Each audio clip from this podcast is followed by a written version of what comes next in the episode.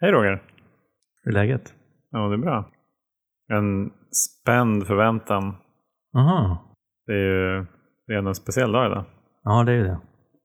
Vad tycker du om julafton? Jag tycker julafton eh, är fint. Ja. Mm, tycker jag med. Jag tycker det är en, ofta och idag så är det en, en dag att eh, samlas. Mm. Samla mig själv Mm. eh, också. Och att eh, ja, men vara tacksam. Jag gillar ju julen. Jag gillar uppbyggnaden, alltså hela december faktiskt. Ja, Fast i år så tycker jag nog ändå att det har varit lite tråkigt med det jävla vädret. Om jag Ja, får vara lite så här irriterande på saker Mm. som jag ändå inte kan påverka. Mm. Som, som man gillar att göra. Har du haft vädret på harmlistan i december? Ja, lite så. På ett sätt ja, på ett annat sätt eh, har jag liksom bara sträckt upp ett långfinger och tänkt att det, det regnar inte. Det, man får göra det om man ska ut med hunden i två timmar. Liksom. Ja, Då kan man ju inte gå runt och tycka att det, att det är liksom stökigt och regnigt och blött och kallt. nej. Det blir ju inget kul. nej exakt. Men du, eh, vad gör du så här idag på julafton 2019? Ja, idag firar med eh, Josefina och Elma. Det är Elmas första jul. Så det känns ju spännande. Ja, just det. Jag antar ju att, att hon, eh, hon måste vara jätteförväntansfull. Ja, precis. Och hon, hon- har nog, hon har nog läng- väntat länge på den här dagen. ja, ända sedan hon föddes. Ja, det tror jag. Ja. Eh, nej, men det, det är mycket så här första, första julen-känsla. Är det. Vi firar med, med min mamma och pappa och bror. Mm. Och det är liksom också deras första jul som farmor, farfar, farbror. Så att, eh, det, det är mycket fokus på, på den här lilla parven. Ja, just det. Det blir så här stor familj. Ja, precis. Lite Fanny och Alexander. Kanske inte. Nej, inte, inte helt. Vi får väl se. Men, eh, Ja. Ni som inte vet vad det är, ni kan ju googla. mycket familjefokus. Mm. Ja. Väldigt lite julklappsfokus. Mm. Eh, mer familj, sen lite mat och gott. Eh, umgås. Och sen sist julklappar. Jag tror vi nästan har eh, rationaliserat bort det faktiskt. Ja. Vi köpte en, eller tomten kom med en, en jättefin sån eh, hoppgunga till Elma. Men den fick hon redan typ den 19, 20. Så, eh, Jaha. den är kvar i Stockholm. Själv då? Jag eh, ska dra en sväng på dagen. Eh, käka jullunch med min mamma, och mina barn och min exfru. Mm. Sen tar jag med mig min mamma efter det hem till oss i Stockholm. Och där kommer vi att fira med eh, Jennys mamma. Och kanske lite fler människor som kommer. Eh, det vet vi inte riktigt än. Mm. Det är lite öppet. Kom om ni vill. Mm. Det är också lite sjukdom. Kom om ni kan. Lite sådär. Är, det så Men, att, eh, alla- det så att alla som lyssnar får komma? Eller? Ah. Jag höll på att eh, berätta, erkänna för lyssnarna att idag på julafton så är det, är det ju då vår andra öppna julafton hemma. Ja, okej. Vad innebär det? Ja, vi hade ju en den 22 december också. Ja. Och eh, då har ju Jenny då öppnat upp till släktingar. Kom, ta med er andra människor också om ni vill. Jag tyckte väl kanske att en öppen julafton Mm. per år borde räcka. Men, men sen så, Men innebär det här att du kommer få vara tomte två gånger? Eller? vi, vi har ju liksom rationaliserat bort tomten. Vad ska barnen säga? Rationaliserar bort tomten. De ska säga, Ja. ja, men de tror inte på tomten. Alltså tomten, liksom i... tomten idag det är bara en illusion som föräldrar tror att barn tror på. Ja, men det går väl lite liksom i, i årets julkalenderspår. Ja, Har du sett? nej, Nej. inte en sekund. Jag älskar julkalender. Ja, härligt. Ja. Men du, eh, nog om oss höll jag på att säga. Eller nog Ja. om vad vi gör. Vi eh, bestämde oss för ett tag sedan att vi skulle sända det här avsnittet på julafton. ja, vi frångår våra... Ja, julafton i, idag, det är ju en tisdag. Ja, Och eh, vi brukar aldrig släppa avsnitt på tisdagar. nej, jag har aldrig gjort det. Nej. Så det är också första gången. Ja, det är det verkligen. Men ehm, vi snackade lite om det här och vi tyckte liksom att ja, men det kan kanske bli ett litet, ehm, ja, men ett litet break för människor som vill komma ifrån Mm. julstressen. Ja, exakt. Kanske får en, eh, en stund över på eftermiddagen och sjunka ner i soffan och bara blunda. Stänga ut eh, föräldrar, mor och farföräldrar och barn och vänner och nya pojkvänner och flickvänner och bara sätta på lurarna och, och sjunka in i lite julmys med Johan och Roger. Ja, exakt. Man kanske till och med har fått ett par nya hörlurar. Ja, kanske det, kanske det. Hoppas de funkar. Så att eh, vi tänkte väl att det här avsnittet bara blir en liten, eh, ja men en lugn stund. Mm. Jag tycker det låter jättemysigt. Ja. Mm. Men vi ska ju för den skull inte frångå våra, eh, de viktiga frågorna som vi vill prata om. Nej. Vi har ju fått lite förslag på ämnen i, på Instagram framförallt. Om vad som eh, vi skulle kunna prata om. Ja, vi har fått en hel del Mm. faktiskt. Och jag tror att några av de här kommer vi täcka i det här avsnittet och några är sådana som, som blir i helt egna avsnitt. Och några kan vi helt enkelt inte svara på eftersom vi inte själva har de Nej. erfarenheterna. Men vi kan ju börja med att säga stort fett jultomte-tack till alla er som skickar in frågor. Det är helt underbart att vi, att vi fortsätter göra podden tillsammans tycker jag. Och på tal om det, Ja. så skulle jag bara, nu så går jag spontan in här och bara tar en fråga. Ja. Därför att jag eh, kom på en, eh, jag kom på en grej. Ensamhet. Ja, vad tänker du kring det? Nej, men under, under jul, och då tänkte jag så här. eh, Det var ju någon som tyckte att men, ta upp om man kan prata om det här med ensamhet. Liksom. Och det är ju visst det är ett universellt ämne, men eh, kanske starkast under högtider, festligheter, Mm. när det är tradition att man ska samlas i ganska stora gäng, Mm. familjer eller kompisar eller vad det är. Så har man inte det, eller gör man inte det, kanske man känner sig ännu mer ensam än vanligt. Mm.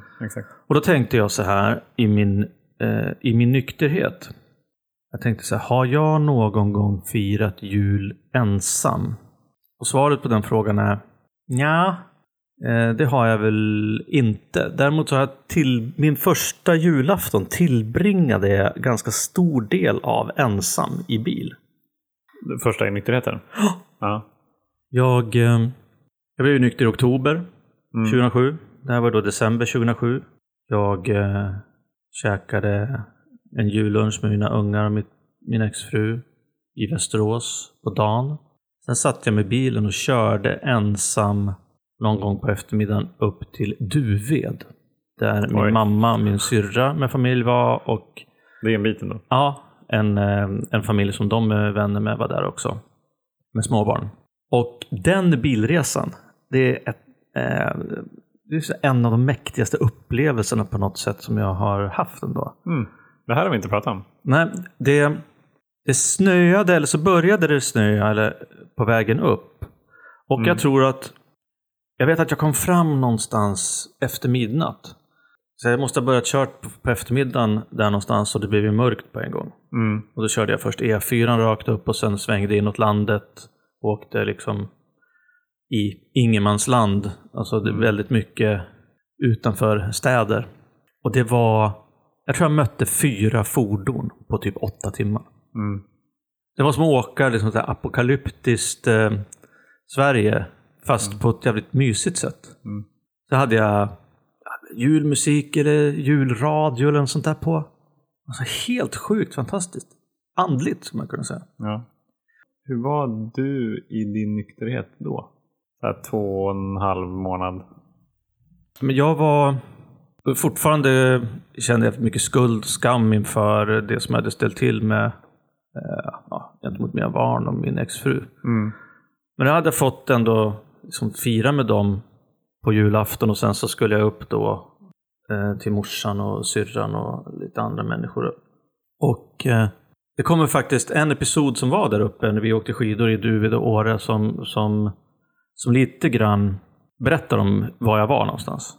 Jag, eh, jag hade lärt mig då att jag behövde faktiskt, jag behövde inte göra saker kanske för andra människors skull. Utan det var så här, vi åkte skidor, jag fick nog. Mm. Men då, det, jag krävde inte heller att alla andra skulle åka hem. Nej. Utan att jag, eh, jag tog mina skidor och åkte ner till liksom en stuga och satt mig och drack varm choklad med vispgrädde. Mm. Och då Fan, vad satt, gott. Ja, det var så här ganska tidigt på eftermiddagen fast det var fortfarande mörkt. Eller det hade redan blivit mörkt. Och jag satt där liksom, jag satt, det var barhäng. Jag satt liksom i baren med den här chokladen och satt liksom och reflekterade och tittade liksom på mig själv i spegeln bakom alla liksom spritflaskor som stod i baren. Mm. Vad såg du då? Ja, men det jag kände då, det var så här att jag vill inte dricka. Mm. Fan vad skönt. Det var typ första gången som jag hade kanske satt mig i ett sånt läge också i min nykterhet, så drygt två månader in. Att jag faktiskt satt ensam i en bar där det fanns, det fanns liksom läge. Mm. Och, köra någon, någon liten glühwein eller äggtoddy eller vad det nu skulle kunna varit för något. Men eh, då kände jag mig, jag kände mig glad. Att jag kände att jag inte hade något sug. Liksom att det redan på något vis hade den här jävla förtrollningen eller, eller förbannelsen, kraften Mm. som alkoholen hade haft över mig bara några månader tidigare, den hade liksom släppt. Det är ett av mina starkaste minnen ifrån mina första månader, just den, den upplevelsen där i den där baren med min eh, varma choklad. Coolt, och det var på julafton? Nej, det var inte på julafton. Det var, det var lite senare när vi, när vi var kvar där. Men, men, eh, men just det där att, att fan, jag behöver inte det här längre. Nej. Någonting har hänt. Mm. Det är intressant för det är inte så lång tid ändå. Nej. Två och en halv månad, det är ganska kort Ja. tid. Och jag menar, två och en halv månad tidigare så antar jag att du inte hade kunnat se det framför dig. Nej. Att du två och en halv månad senare skulle sitta där uppe och tycka att livet är ganska fantastiskt med Mm. liksom en kopp varm choklad med vispgrädde. Eh, och inte behöva dricka. Nej, Nej så den, den julen var... Ja, men den var... den var just dels den här bilresan som var helt jävla magisk, eh, andlig. Massa snö överallt och liksom mörkt och ensligt på ett så skönt sätt. Och sen den här upplevelsen om att jag faktiskt, alltså den här besattheten, Mm. hade släppt taget. Eh, Så Bra för, mig, så för mig var första julen i nykterheten eh, positiv. Sen så hade jag, jag kanske, förmodligen var jag jävligt sorgsen över att liksom lämna mina barn och åka liksom upp till morsan och syrran. Det minns jag inte riktigt, men jag, eh, jag kan inte se att jag liksom inte skulle vara sorgsen. Jag Mm. tyckte nog att det var lite jobbigt också att inte ha någon riktig familjejul Mm. vill, inbillar jag mig. Men det som är kvar nu efter så lång tid, det är, det är mer de här positiva sakerna. Och det är det, som jag, det, är det jag kommer ihåg. Så att för, för mig så var första julen, liksom, den, var, den var inte svår på det sättet att jag kände att jag hade sug. Jag var inte ensam, förutom när jag satt i bilen. Och eh, jag hade ändå liksom nära och familj och mina närmaste liksom runt Mm. omkring mig. Mm. Hur eh, såg det ut för dig din första jul? För dig var det ju ännu kortare mellan... Ja, precis. Det var ju en, en, en halv månad. Ja. Men jag, t- jag tänker först och främst att det är, det är en skillnad på att vara, alltså dels att vara själv och att känna sig ensam. Mm.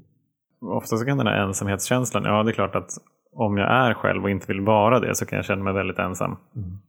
Men jag kan också känna mig väldigt ensam även fast jag har en massa folk runt omkring mig. Min första jul den var ganska svår. Den var rätt mörk faktiskt. Inte bara för att det var uppe i Sundsvall och det, var och det inte var så mycket snö kanske som lyste upp det. Men jag hade haft då sex veckor och de var helt magiska. Först den här första terapiveckan och så här ja, komma tillbaka, landa i ett grå, tungt Sverige 22 november och ändå liksom segla runt på rosa moln och göra det i några veckor. Mm. Och då hade jag fått, fått in lite rutiner. Det är så här mötesgående, jag tyckte det var spännande att utforska olika tolvstegsgemenskaper. Jag hade fått till rutiner, jag skrev dagbok varje dag. Ja, jag hade ja, men så här, verkligen eh, kommit in tyckte jag i det här nya livet som jag mådde väldigt bra av. Och så blev det som att så här, när jag gick på jullov, jag går fortfarande på jullov även fast jag var länge sedan jag gick i skolan.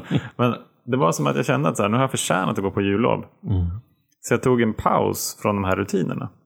Jag tänkte så här, gud vad skönt, nu kan jag, nu kan jag få ligga på, på soffan och bara bara jäsa. Gud vad, vad härligt.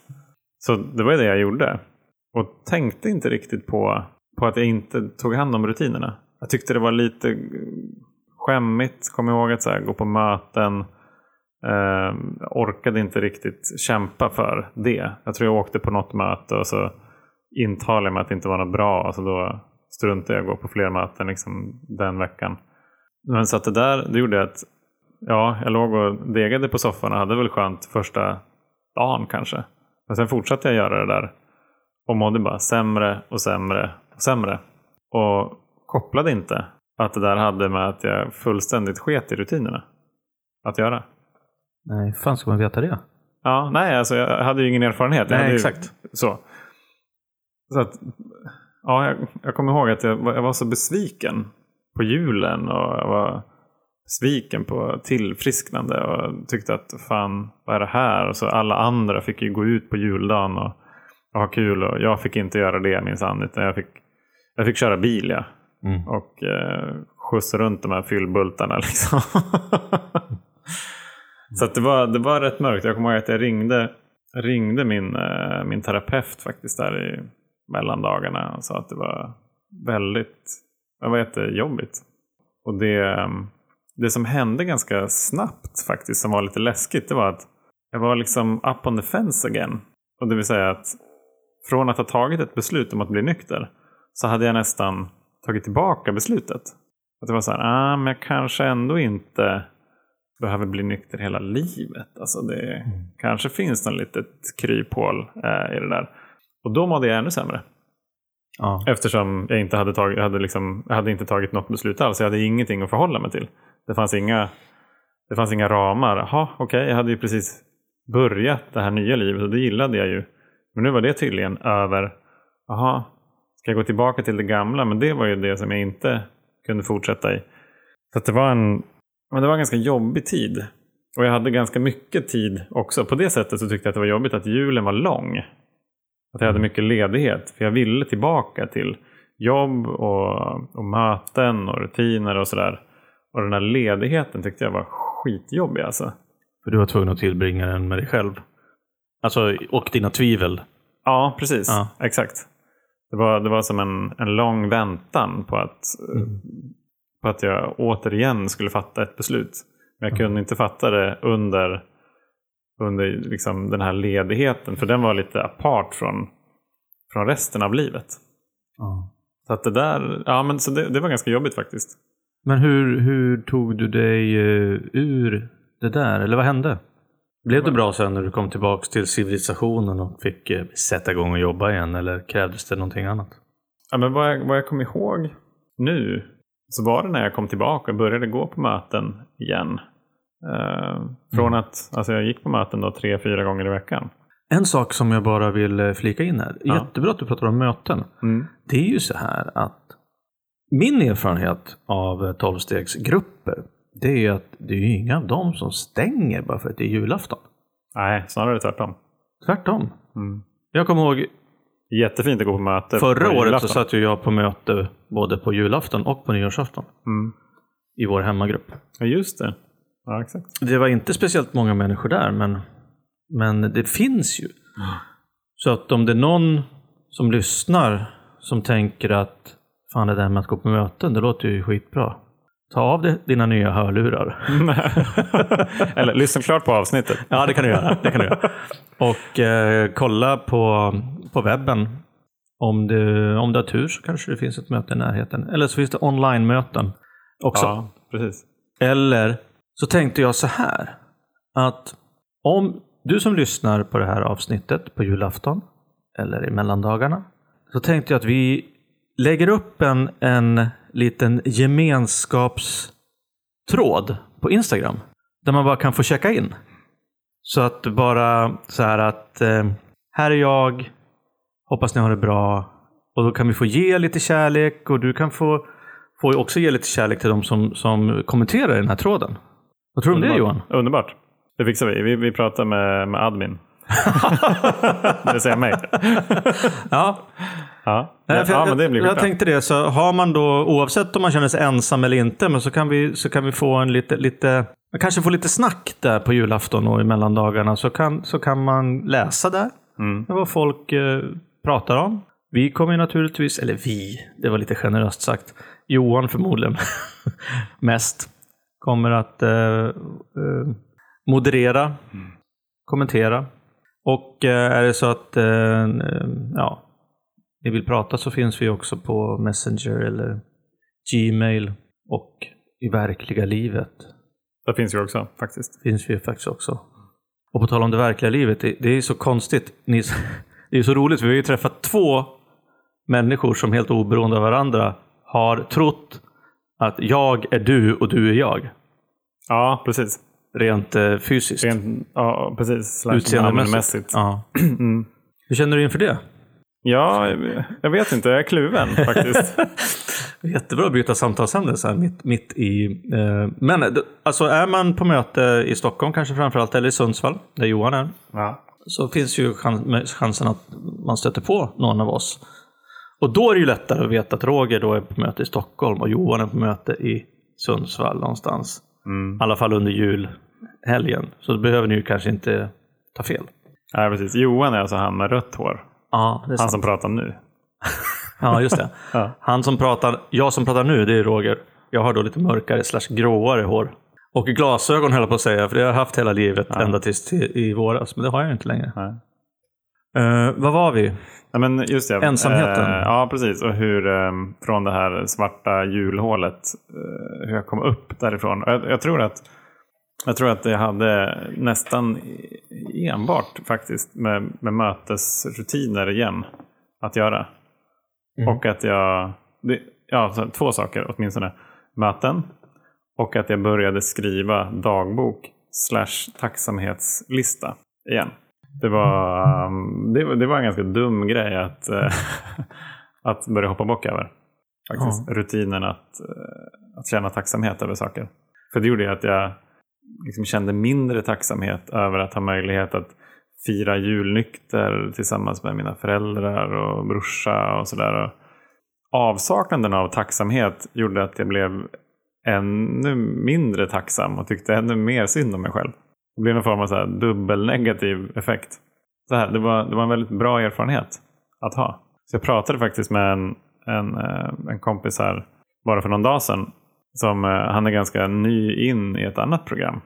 Och eh, ja, vi känner varandra lite på, på avvägar. Men så frågade han om skulle inte, skulle inte vi kunna hålla kontakt under julen. Så, ja, men det är en jättebra idé. Att jag behöver de här samtalen lika väl som du. För jag behöver också bli påmind. Även fast vi har olika sjukdomar. Så behöver jag också bli påmind om hur det var innan jag blev nykter. Och hur det var för honom innan han kom till insikt och innan han nådde sin botten. Att vi kan hålla liksom, linan öppen mellan varandra. Om det så bara är ett, ett, ett sms per dag eller om det är att ringa och säga hej fem minuter, hur mår du, vad, vad har du känt idag? Sådär, att, att komma ihåg, just det, vad är det som är viktigt på riktigt?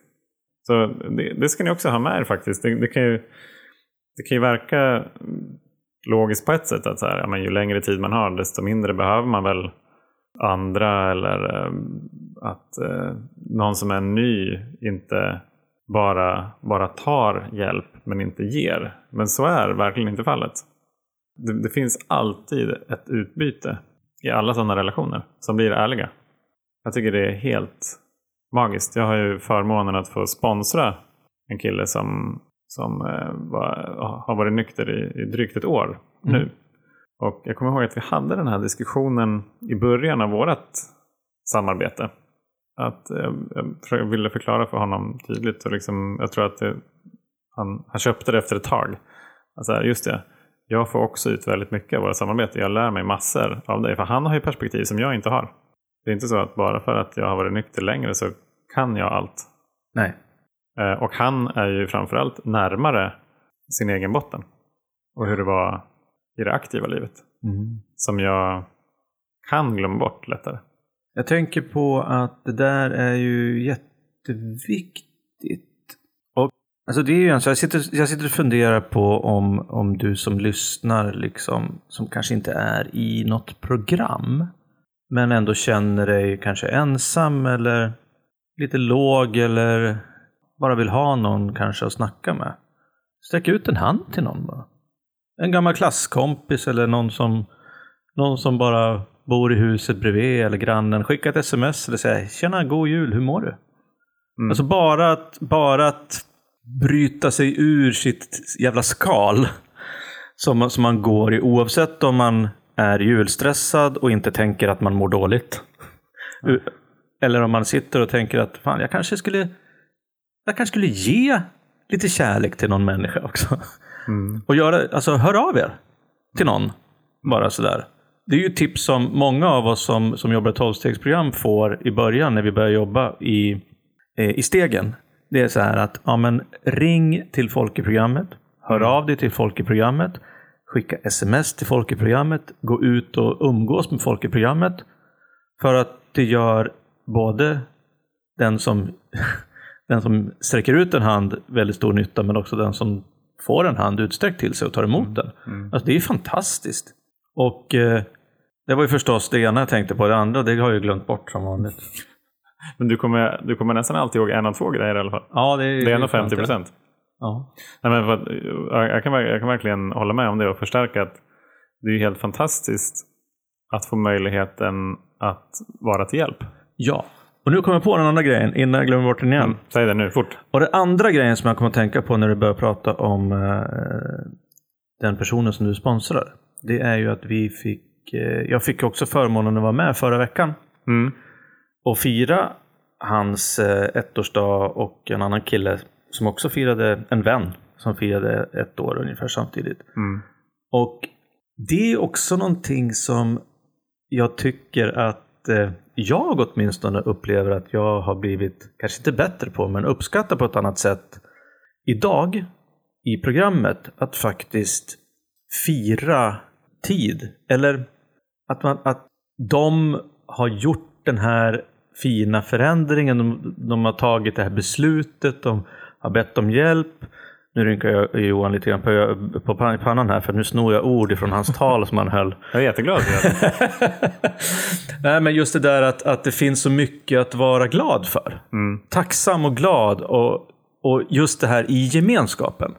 För att den här gemenskapen som, som jag tycker att jag har fått och vi har liksom i, i vår grupp och med människor som, som vi umgås med, både, både i grupp eller på att säga, och var och en för sig. Det är ju helt, det är fan ett under. Mm. Det är ett mirakel, tycker jag. Jag tyckte det var så häftigt att de hade då bjudit in folk från tolvstegsgemenskap, men också vänner, familj och eh, folk från jobbet. Mm, från det verkliga livet. Ja, sa. precis. och det var, det var jättefint att, ehm, att se. Och Mm. det var, det var, vi, vi satt ju i samma bord som en, som en kille som inte har har varit, jag tror inte han har varit på något tolvstegsmöte. Och att se liksom hur, han, eh, hur han reagerade på det vi pratade om. Mm. Eh, Det var jättehärligt. Mm. Att det var liksom fokus på, på saker, som är, eh, saker som är viktiga för oss. Mm. Det vi har upplevt, det vi känner. Det vi kanske, det kanske, kanske är utmanande, det som vi är tacksamma för. Och vi, reflekterade över det du och jag. Att så här, ja, vi är nog lite bortskämda kanske med att, med att ha sådana samtal ofta. Ja.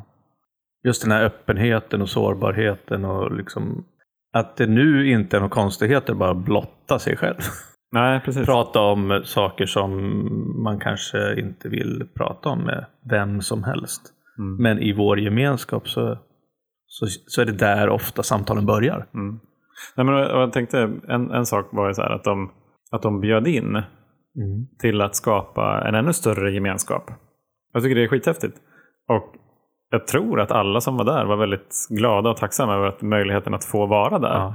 För att de blev ju inbjudna för att de från sina håll har hjälpt och varit som stöd till de här två personerna under det gångna året.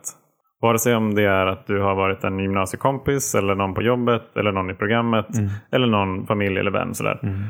Och det, så jag menar, en, en gemenskap, vi pratar ju om gemenskapen som om det var den enda gemenskapen, men det är det såklart inte. Utan kan ju, vi har ju massa olika typer av gemenskaper och det kan skapas när som helst. Det, det handlar om att bjuda in till det. Ja. Sätta ramarna liksom. Precis. Och, Förutsättningarna. precis. och där, där sitter jag och tänker nu på att ja, men då kan man ju tipsa om, eh, ni som lyssnar, att ni kanske kan ta ett öppet och sårbart samtal med någon på julafton. Och det kanske ni kan. Man kan ju fundera på det i alla fall. Men i, ibland så kanske det inte är och kanske inte riktigt är, är öppna för det eller redo för det att, att, eh, ta Ja, men jag tänker liksom ett annat perspektiv på det där. Det är ju att, att ta en reflektionsstund. Eh, Vilka har ni i er gemenskap som ni kanske inte funderar på är en gemenskap? Som vilken, vilka vänner, vilka människor har ni i en gemenskap som ni är tacksamma för? För jag, jag upplever att när jag blev nykter så såg jag ännu mer gemenskap än vad jag gjorde tidigare. Så att även fast jag kanske hade färre, långt, långt, långt färre bekanta så insåg jag att jag hade fler vänner. Så jag kände mig ju mycket mindre ensam när jag blev nykter än när jag var aktiv. Men det som är, det som är jävligt spännande i det här också, det tycker jag, jag funderar på det faktiskt i samband med de här ettårsdagarna förra veckan, att, att eh, det handlar om, jag fick snöade in på det här ordet plats. Att, ja, när, att man tar sig från en plats där man liksom är, alltså en jävligt dålig plats. Och så, och så när, i och med att man blir nykter, eller jag blev nykter, så liksom, då tar, har jag tagit mig till en annan plats. Men i den här nya platsen så måste jag också ta plats. Ja, just det. Och eh, Det kan vara ganska läskigt. ja, det är, skit, alltså, det är fan det svåraste tycker jag. Alltså, för mig så har det varit, det kanske inte är det viktigaste, men det känns som att det var liksom, det var, det, det var nästan det läskigaste som du säger för mig. Att våga ta plats. Att liksom, för jag är inte en sån person som, ja men jag trivs inte som fisken i vattnet liksom med alltså, okända människor. Mm. Jag har inga problem att socialisera, men jag, jag kan lika gärna stå liksom i ett hörn och prata med någon som jag känner. Jag behöver inte minglet, jag behöver inte skaffa nya vänner. Jag behöver, alltså, så känner jag, det är min liksom grundinställning. Mm. Men jag, fattar, jag har fattat sådana beslut några gånger i min nykterhet. Att aktivt våga ta plats och ge plats åt andra människor. I, framförallt i, i, i tolvstegsgemenskaperna. För att jag vet att det är, det är fan livsviktigt för mig. För att om, inte jag hade vågat eller släppt in, låtit dig ta plats i mitt liv eller tagit plats i, i ditt liv så hade vi aldrig haft det här. Alltså det, Om jag inte gör det, då isolerar jag mig själv och då, det är inte bra för mig. Nej. Så att det är också så här att alltså, alltså, om, om man vågar ta plats, om jag vågar ta plats, precis som jag tycker då att de här killarna förra veckan som firade, de på olika sätt har tagit plats i både gemenskapen och i mitt liv sen, sen de började komma på möten och, och att jag lärde känna dem. Om man gör det, då får man ju också, för de har ju en jättestor plats i mitt hjärta, liksom, så nu. Mm. För det handlar ju väldigt mycket om att, att ja, vad fan, det är, våga vara sårbar liksom. För mig, att, att ta plats, det, det kommer som, som ett resultat eller som en konsekvens av att jag själv tycker att jag förtjänar kärlek. Om, om jag inte tycker att jag förtjänar det, då har jag jättesvårt att ta plats. Så här, nej, men det, det, nej det, det är liksom inte för mig. För mig så har det där varit en ganska, en ganska lång process. Eller liksom, det går inte bara sådär. Liksom. Utan Det, det kräver lite jobb med mig själv. Sen så när jag märker att jag tar plats och får plats så, så blir jag välkomnad eh, och då är jag ju en del av en, av en gemenskap. Också. Jag får möjlighet att träffa andra, jag får möjlighet att bli speglad av andra, jag får möjlighet att lära känna mer av mig själv genom andra. Det är spännande där, för jag, jag, jag har en helt annan uppfattning om mig själv och den platsen som jag tar i sammanhang än vad andra människor har, har jag hört. Mm. Om dig. Ja, precis. Vad intressant. Ja, eh, jag, eh, jag vet att det finns, eh, jag har pratat med människor som tycker att jag tar en ganska, liksom, jag tar naturligt plats. Mm. Medan jag inte förstår vad de pratar om. Är det så? Va? Nej, det gör jag väl inte. Och det där handlar ju väldigt mycket om det som jag pratat om förut. Så där, självkännedom, självkänsla. Mm. Och eh, ja, Det vill säga att jag antingen är, man, eh, antingen är jag omedveten om vilken pl- plats jag tar. Eller så kan det faktiskt ligga ganska mycket i det som du tar upp. Just det där att jag kanske inte är så säker på hur mycket plats jag förtjänar att få. Nej, precis. Så därför så blir det liksom en, en, en blind spot. Men det är, jag håller med dig helt och, och det är också någonting som jag har tränat på. Just det där faktiskt att våga ta plats. Alltså, ta plats på svenska, det låter, det låter lite så här stökigt och bökigt och eh, bröligt. Men det är inte alls så jag menar. Utan det, det, är vara liksom liksom att, att, att inkludera sig själv. ja, precis, att våga vara en i gemenskapen. Mm, exakt. Det är väl mer så. Så att det behöver inte, vara, behöver inte betyda att man är clownen eller den som alltid pratar. Eller, Nej. utan bara aktivt hälsa på folk och fråga, fråga hur de mår. Till exempel. Ja, en sak som jag tänker på, det var en annan, en annan fråga. Det handlade om ett annat ämne som var så här, lagom. Att vara lagom liksom, till, till jul. och att, vi har ju pratat om det lite tidigare. Att, så här, att inte behöva vara den som är liksom sämst eller värst. Och inte heller den som är bäst eller mest. Eller sådär. Och det appliceras ju ganska väl i det här fallet. Ja. Att, att ingå i en gemenskap, liksom att vara en i gruppen. Det kan ju vara bland det värsta ibland. Att så här, va? Ska jag vara en i mängden bara? Ja. Vad fan. Nej, då jag vill hellre vara liksom den här ensamma stören som sitter i hörnet. Som är så här mystisk. Eller så vill jag vara Eller den ordförandeklubban. Ja, exakt. Precis. och, och någonting däremellan. Det finns inte på kartan. Nej. Och jag tror att vi, vi är många Det där känner jag igen och jag Eh, vet många ja. andra som har vittnat om precis samma känsla Ja. i programmet. Av oss alkisar. Det, det, det är ju ganska fascinerande att man kan vara rädd för lagom. Ja.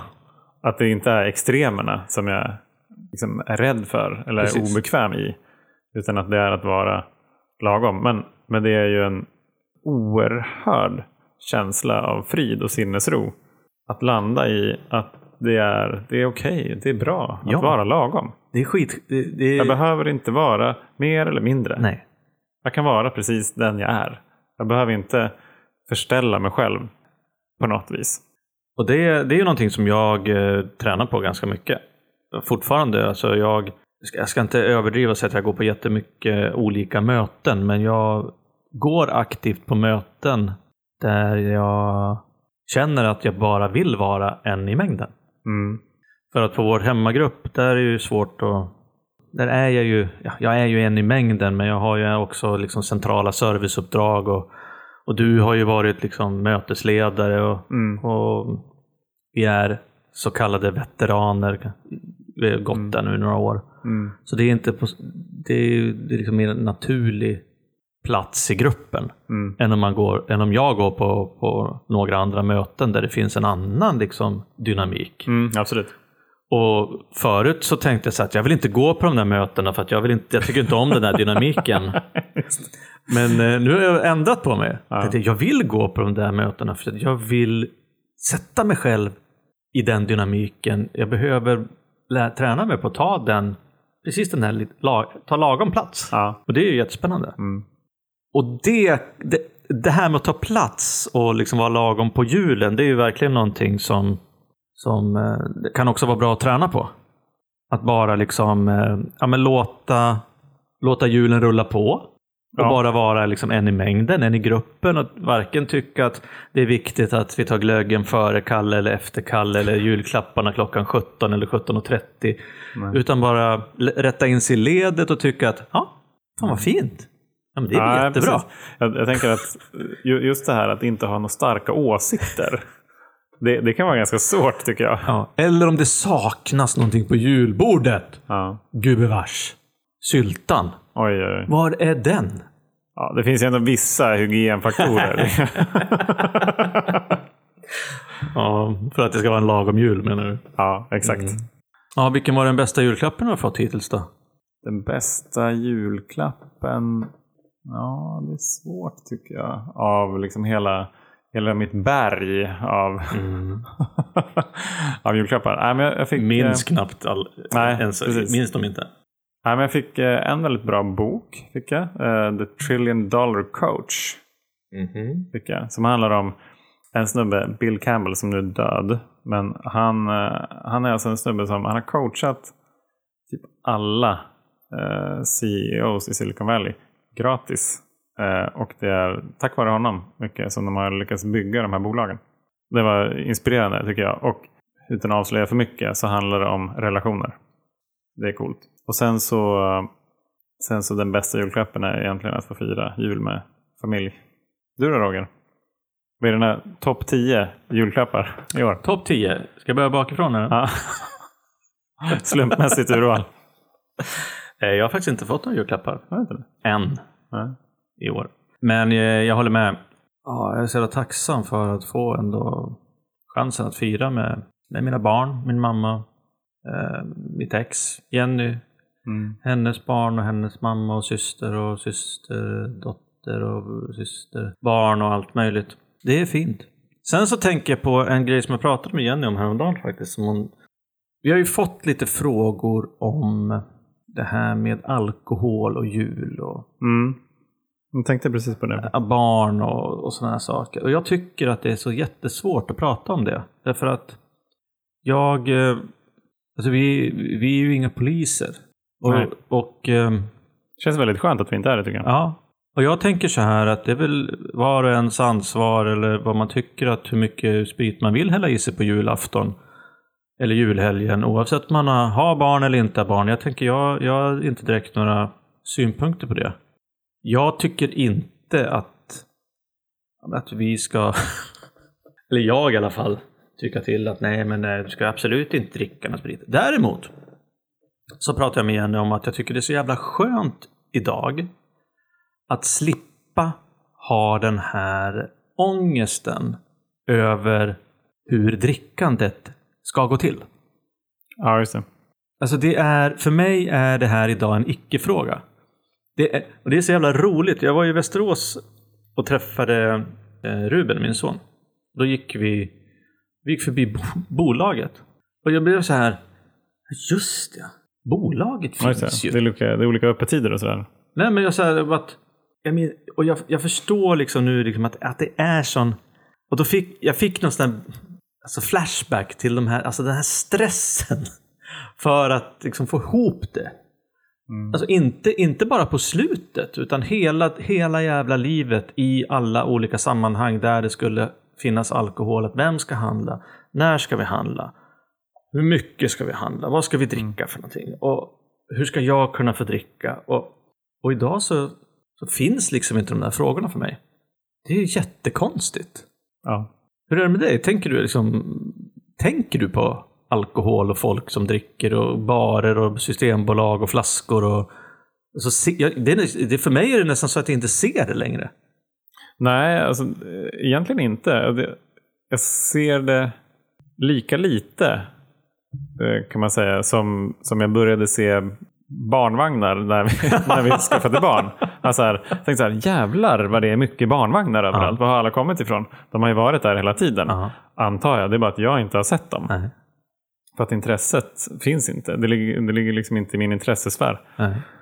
Men jag kommer ihåg att från början så tyckte jag tyckte det var lite jobbigt att så här gå förbi barer och det var kanske lite jobbigt att gå förbi bolaget också för jag blev påmind hela tiden. Så där.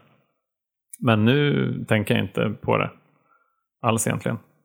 Nej. Och det, Eh. och det är så fascinerande tycker jag att olika lång tid in i nykterheten för, för mig och för dig då som har lyckats eh, hålla oss nyktra liksom, så, så försvinner liksom alkoholen. Mm. Ur livet nästan. Ja, precis. Om man inte har eh, kanske nära och kära som dricker mycket. Och, men för mig, för mig har det varit så. Det är liksom, ja, det är borta. För jag tänker, eh, jag kan liksom jämföra årets julbord med jobbet Mm. med, med julbordet första året i nykterheten som då var så här fem veckor efter jag blev nykter. Ja. Då, då stod jag i valet och kvalet, ska jag verkligen gå på julbordet? Mm. Eller kommer det vara jobbigt? Vad, vad kommer folk att tycka? De kommer tycka att jag är tråkig. Eh, när ska jag gå hem? Hur länge måste jag vara kvar? När är det okej att gå? Mm. Mm. Eh, vad, vad ska jag ha för ursäkt? Vem ska jag sitta bredvid? Eh, är det några som dricker mycket? Är det några som inte dricker alls? Är det kanske någon som har blivit gravid? Som, Ja, ja. ja, sådär. Och så kommer jag ihåg att det var, det var en, en kollega som jag vet inte om han frågade sig. Jag uppfattade i alla fall frågan som att den var ganska ja, men kanske aggressiv. Liksom, Varför dricker inte du då? Jag tror inte ens att det var så han menade eller så han ställde det. Men så jag, det var så jag hörde i alla fall. Mm. Och jag blev så ställd av det jag hörde så att jag kom inte på något bra svar. Utan det var min chef Linus som hjälpte mig till terapin. Mm. Som, som sa i princip att äh, men Johan han, han har fyllt sin kvot för hela livet. Det tyckte jag var ett ganska bra svar. Medan det nu, eh, och jag, jag tror att jag var nog inte kvar speciellt länge på, på, den där jul, eh, på det där julbordet. Jag tyckte det var jobbigt när, när jag märkte att folk blev lite fullare och de, och de bildade en gemenskap som jag inte fick, fick ta del av för att jag inte var i samma mode.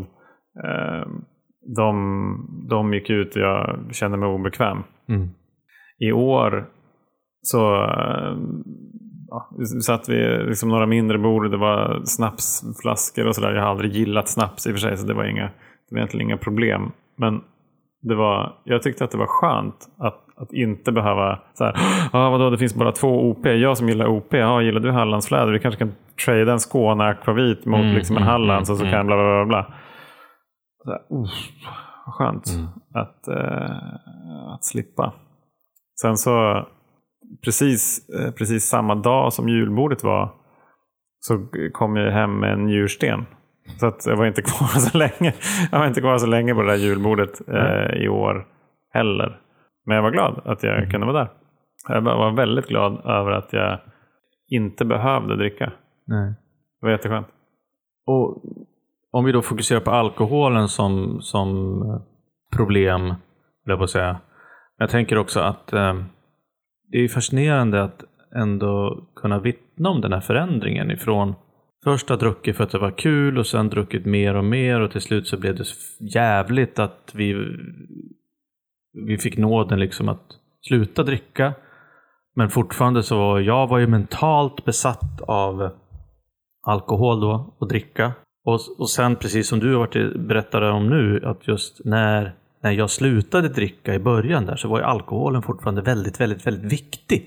Ja, såklart. I flera dagar, flera veckor, fl- månader liksom innan, innan den blev liksom att Innan det känns som jag kan nog överleva utan alkohol. Och, och nu känner jag inget sug längre. Liksom allting, ett tag in i nykterheten så är ju det nya livet för mig var liksom i relation till alkoholen eller att inte dricka. Nu klarar jag precis. det här utan att dricka. Nu gör jag det här utan att behöva dricka. Och sen efter ett tag, jag vet inte ens, så blir det så här att nu gör jag de här sakerna och jag tänker inte på om jag gör det utan att dricka eller att jag klarar det utan att dricka. Nej, precis. Tills idag då alkoholen liksom inte ens...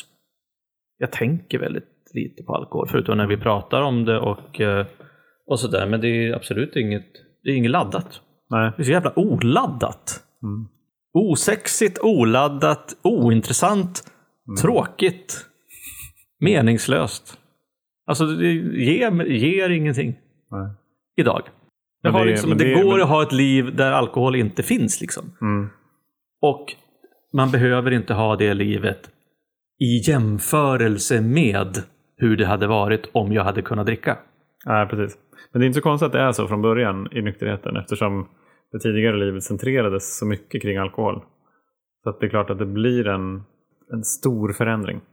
Jag kommer ihåg att jag första året i nykterheten, med så här, när, jag, när jag åkte på Burning Man till exempel, nykter första gången. Det var, så här, ja, det var, det var en jätte, jättestor grej. Eftersom jag förra gången hade varit där och var, och var aktiv. Så att lite av det där var också så här att bevisa för mig själv att jag kunde att få, få lite självförtroende i, i nykterheten. Testa på och verkligen samla på mig, samla på mig nyktra erfarenheter. Ja. För det hade jag inga. Jag menar, stod ju helt nollställd. Vad, vad, jaha, vad gör jag om jag inte dricker ungefär? Alltså det, var ju, det var jättekonstigt. Eh, så, att, så att det var viktigt. Och, och varje sån ny grej, jag kommer ihåg så här, första midsommar, det här har vi pratat om några gånger. Första midsommar, första och så vidare. Det blev ju för mig utmaningar. Eftersom det var första gången. Mm. Men det var så skönt att ladda in de där i erfarenhetsbanken. Ja. Och veta så här, okej, nu har jag gjort allt första gången under den här första cykeln. Rimligtvis är första gången jobbigast. För jag har redan klarat av det jobbigaste. Mm. Då kommer jag fixa alla de andra också. Det tyckte jag var jätteskönt. Ja. Och nu så har du ju för första gången eh, poddat på julafton. Ja, det var jag. Så att det blir inte så svårt nästa gång. Nej, nästa julafton blir enklare. Mm. Att inte känna den här liksom prestationsångesten med tävling med årets julvärd och så vidare. Ja, just det. Du, kan vi sammanfatta vad vi har pratat om? Jag kommer, jag kommer knappt ihåg ens vad vi pratade om i början. Om vi pratar om ensamhet. Pratade om ensamhet. Ja, Eh, vi pratade om ehm, att vi skulle ge varandra stöd och pepp Ja. på Instagram till exempel. ja. Vi pratade om gemenskap. ja vi pratar om rutiner. Så här, Ja. Hålla rutiner under julen. De här grejerna som vi mår bra av. Eh, Det gör vi även när det är jullov. Ja. Precis. Vi pratade om eh, att sträcka ut en hand, Ja. ta plats Mm. och att vara lagom pratade vi om också. Mm. Och att förtjäna kärlek. Ja. Och som vanligt är det en massa fyllesnack. Men eh, nu så tänker jag så här att nu har ni väl ändå, ni som lyssnar, nu har ni fått ett tillräckligt långt break ifrån skrikiga familjemedlemmar och stökiga julhem. Så att nu är det väl snart dags att gå tillbaks va? Dags att återgå till julekaoset slash julefriden. Det beror lite på. Ja. Eller så kanske det här var jättestökigt jämfört med era jul, vad vet jag, vad vet jag? Då ber vi om ursäkt för det. Ja, förlåt. då, då är julklappen att vi lovar att bättra oss till nästa avsnitt. ja. Har du något mer? Jag tycker det är fantastiskt att få sitta och podda så här på julafton och få möjlighet att skicka ut kärlek. Mm. Som ju är det julen handlar om. Ja. Att så här, back to the basics. ja, det Att det kanske inte handlar om konsumtion eller eh, all mat och alla program som går på tv utan det handlar om gemenskap och Ja. tacksamhet. Kanske också att tänka på att vara lite lagom och också att ge plats Mm. till de som är runt omkring en. Ja, och kanske också så här, skänk någonting som de, till de som har mindre. Ja. Tack Johan. Tack. Och då, alltså vi kan väl avsluta då med från oss alla Till er alla, en riktigt, riktigt god jul. riktigt god jul. Ha det så bra där ute hörni. Ja, ta hand om varandra Mm. och er själva. Kram. Hej då. Hej då.